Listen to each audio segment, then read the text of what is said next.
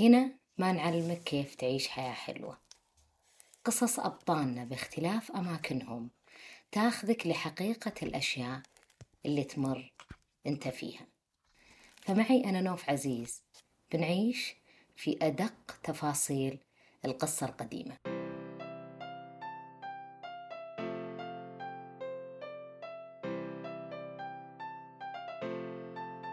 يقول الفيلسوف الفرنسي ألين دوبوتون إن الإيمان بما للعمارة من مغزى وأهمية قائم على فكرة سواء كان هذا حسن ولا سيء.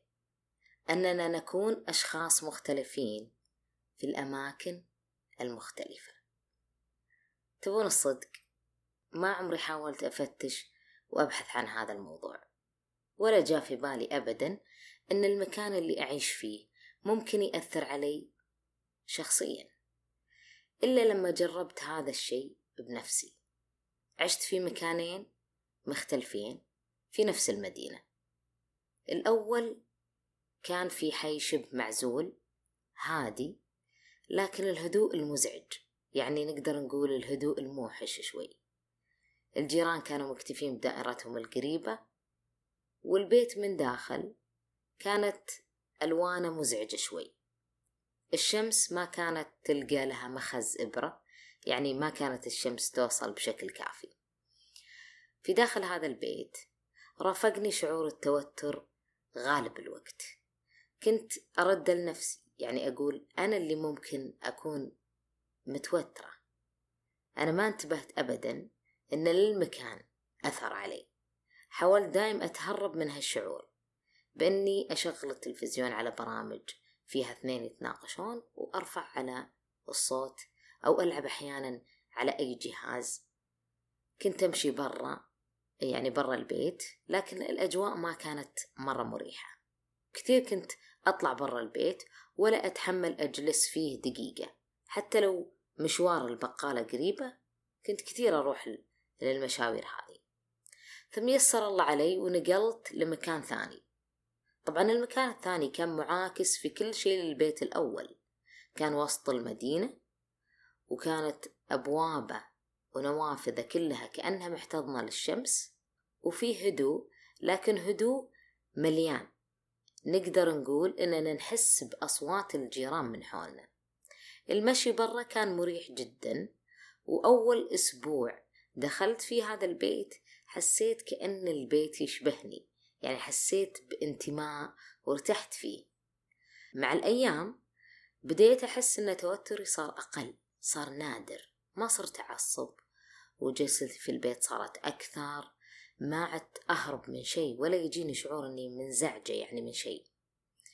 قلت وشاركت هذا الشيء الأصدقاء المقربين أن شعوري يختلف بين البيتين بين البيت الأول وبين البيت الثاني بس للحين ما ربطت الموضوع في مخي لدرجة أني أبحث فيه. فهنا في هذه الحلقة كلنا مع بعض بنحاول نفكك هالارتباط ونعكس على أنفسنا ونشوف هل فعلا له تأثير ولا لا. في البداية خلونا نروح مع مشاعر أحد المستمعين اتجاه بيت العم أحمد. أهلا. إذا جاء طاري بيت ما يجي في بالي إلا بيت أبوي أحمد كذا نسميه. آه هو بيت أكبر آه خوالي وهو بيت العائلة تقريبا. هو المكان اللي كل العائلة مروا فيه وهم صغار. آه كل الذكريات اللي يعني أو أغلب الذكريات اللي أذكرها عن طفولتي كانت في المكان هذاك. آه عشت كل المشاعر حزن خوف آه فرح وسعادة. كلها هناك. يعني هو المكان اللي تحس فيه في الأمان بالأمان. آه في شعور الحب في شعور المودة كلها موجودة هناك. وبيتنا نفسه يعني بيت عائلتنا نفس الشيء بس يعني بيت أبوي أحمد خاص جدا. غرفة واحدة قادرة إنها تغير مشاعر إنسان بالكامل. من لون الجدار إلى نوع الأرضية ولونها حتى وأجواءها العامة. فما بالنا بالبيوت اللي نعيشها فترة طويلة من الزمن. بتسمع أكثر من رأي في هذه السطور الجاية والهدف تشوف أيهم أقرب لك من غيره. وأولهم إن جمال المكان اللي نسكن فيه راجع لنا وجاي منا بشكل كبير.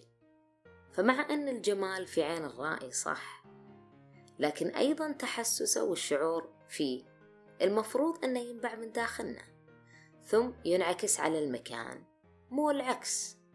يروي لنا فرويد في مقالته اللي بعنوان في الزوال واللي نشرها في عام 1919 يقول لنا عن قصة نزهته مع الشاعر رينر ماريا ريكلي لجبال دولوميت. يقول كان صيف رائع الجمال والزهور في أوج تفتحها. الفراشات كانت بتعدد ألوانها ترقص فوق الحقول الخضراء. كان عالم النفس فرويد مبسوط بهذه النزهة خصوصا إنها كانت تمطر لمدة أسبوع كامل قبلها. بس لاحظ إن رفيقه منزل راسه طول الوقت. طول ما هم يمشون وسط هذه الحقول كانت عين على الأرض ويدوب يقط له كلمة أو كلمتين وساكت أغلب الوقت. فما كان من فرويد إلا أنه فسر تصرفات صديقة بالرغم من أن صديقه شاعر وحساس. فمو منطقي إنه ما أنتبه لكل هذا الجمال اللي حوله لكنه ما قدر يتغاضى عن فكرة واحدة. إن كل هذا الشيء اللي قاعد يشوفه معرض للزوال. حتى أنه بعد ما انتهوا من الرحلة صرح بهذا الشيء بشكل مباشر. قال إن الجمال كله محكوم بالفناء بس يجي فصل الشتاء. ومثله الجمال البشري وما أبدعه واللي راح يبدعه مستقبلا. فرويد تعاطف جدا مع هالنظرة اللي سماها نظرة سوداوية. فبالنسبة له تكون القدرة على حب كل ما هو جذاب مهما كان سريع العطب ولا هش سمة مميزة من سمات تمتع المرء بالصحة النفسية.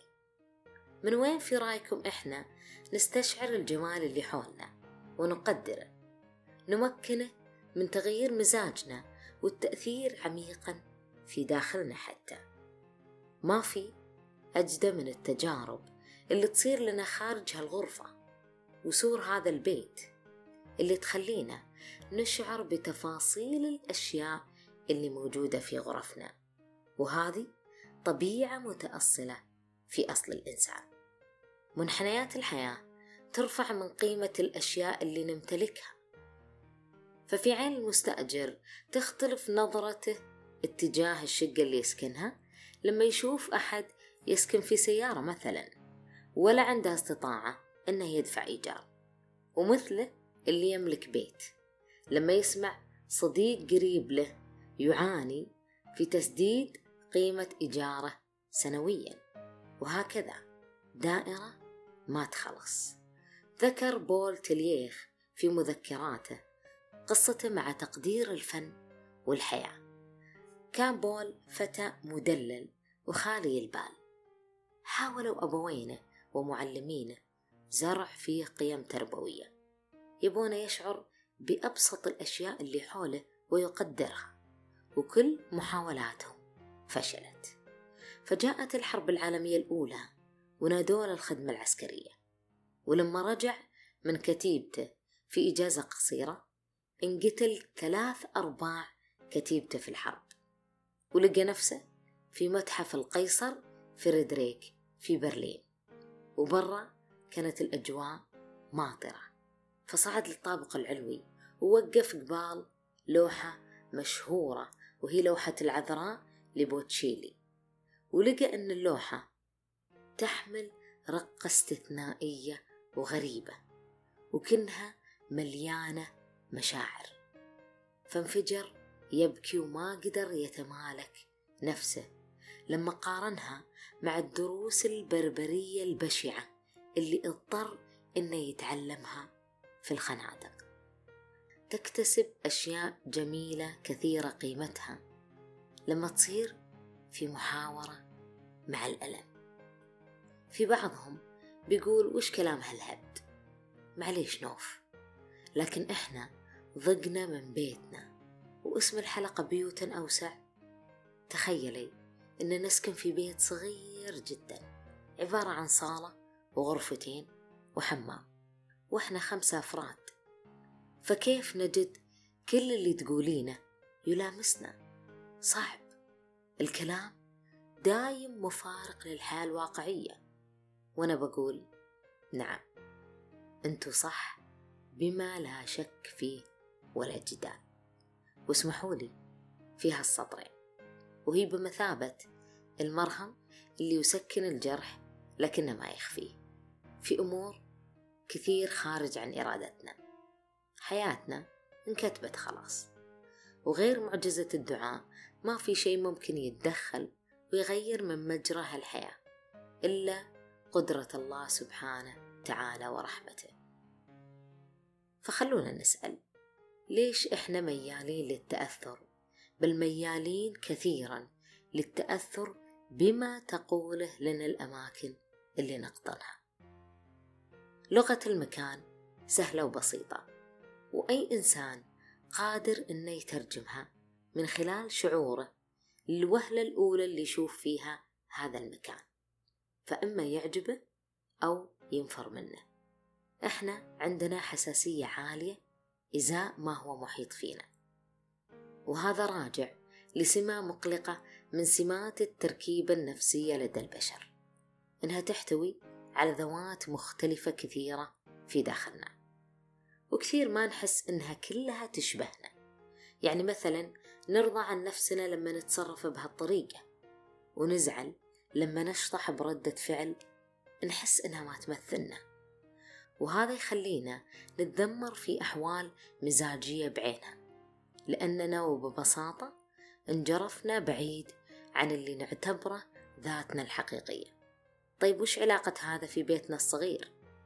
تخيل معي أن الذات اللي نفتقدها هي الجانب العفوي من شخصياتنا واللي هي خلاق وأصيل بطبعه فملاحقة الناس ومقارنة اللي عندهم باللي عندنا تبعدنا تدريجيا عن هذا الجانب وهذا يخلي أغلب الناس تبي تلحق الركب وتتذمر في ممتلكاتها البسيطة وتبي شيء أكبر وأوسع وأكشخ.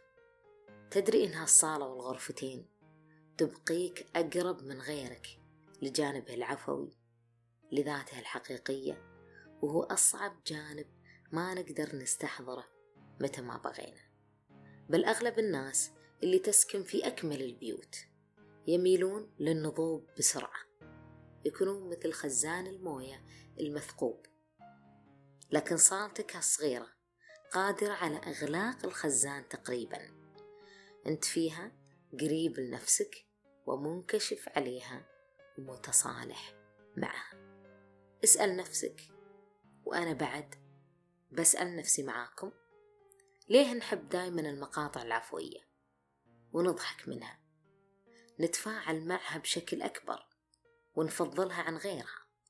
وأنا متأكدة نظرتك اتجاه بيتك الآن اختلفت.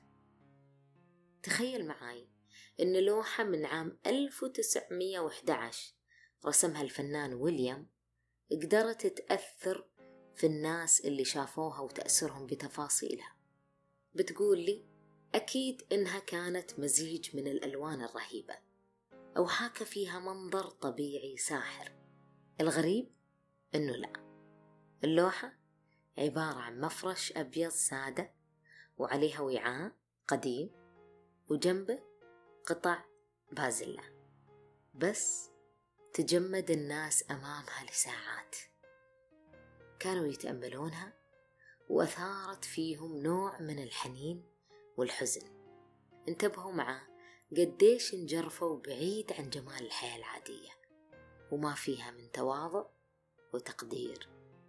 ونبل السؤال الأهم في هذه الحلقة هو كيف بيوتنا تساعدنا في تقديم النسخ الأفضل من شخصياتنا؟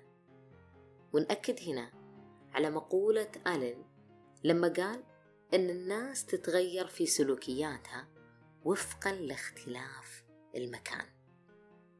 فبيتك اللي تحرص إنك تضع فيه شيء يشبهك سواء قطعة أثاث أو زاوية معينة أو أشياء تذكرك بأشياء مهمة عندك قد تساهم في دفعك لتقديم نفسك الأحسن للواجهة.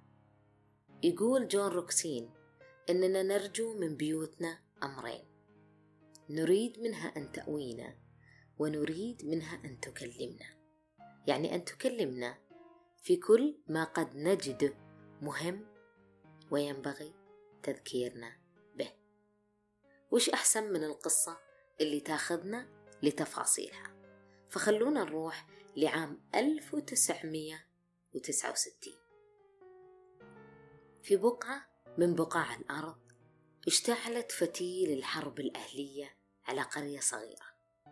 فما كان من أبو مريم إلا أنه يقرر يهاجر هو وأفراد عائلته. بعد ما حصلت لهم صدمة وهي وفاة ولدهم الأكبر إثر وقوع أحد الشظايا عليه أثناء عودته للبيت. لكن الشخص اللي كان بيتكفل بهجرتهم رفض أنه ينقلهم كلهم. فطلب من أبو مريم يتنازل عن أحد أفراد أسرته مقابل أنه ينقلهم أو يبقون كلهم. نظر الأب للأم اللي على طول فهمت التلميح وانفجرت باكية. بعد مشاورات كثيرة وقع الاختيار على أصغرهم سنا وهي مريم اللي كانت تبلغ من العمر خمس سنوات. اختارت الأم عائلة جارهم المدرس لأن علاقتها كانت ممتازة مع أمهم اللي تعتبر صديقتها الأقرب في القرية. وقفت عائلة مريم مكسورة أمام منزلها المدرس وهي تودع مريم. احتضنتها الأم لساعات قبل ما تتركها نائمة في يدين صديقتها وترحل.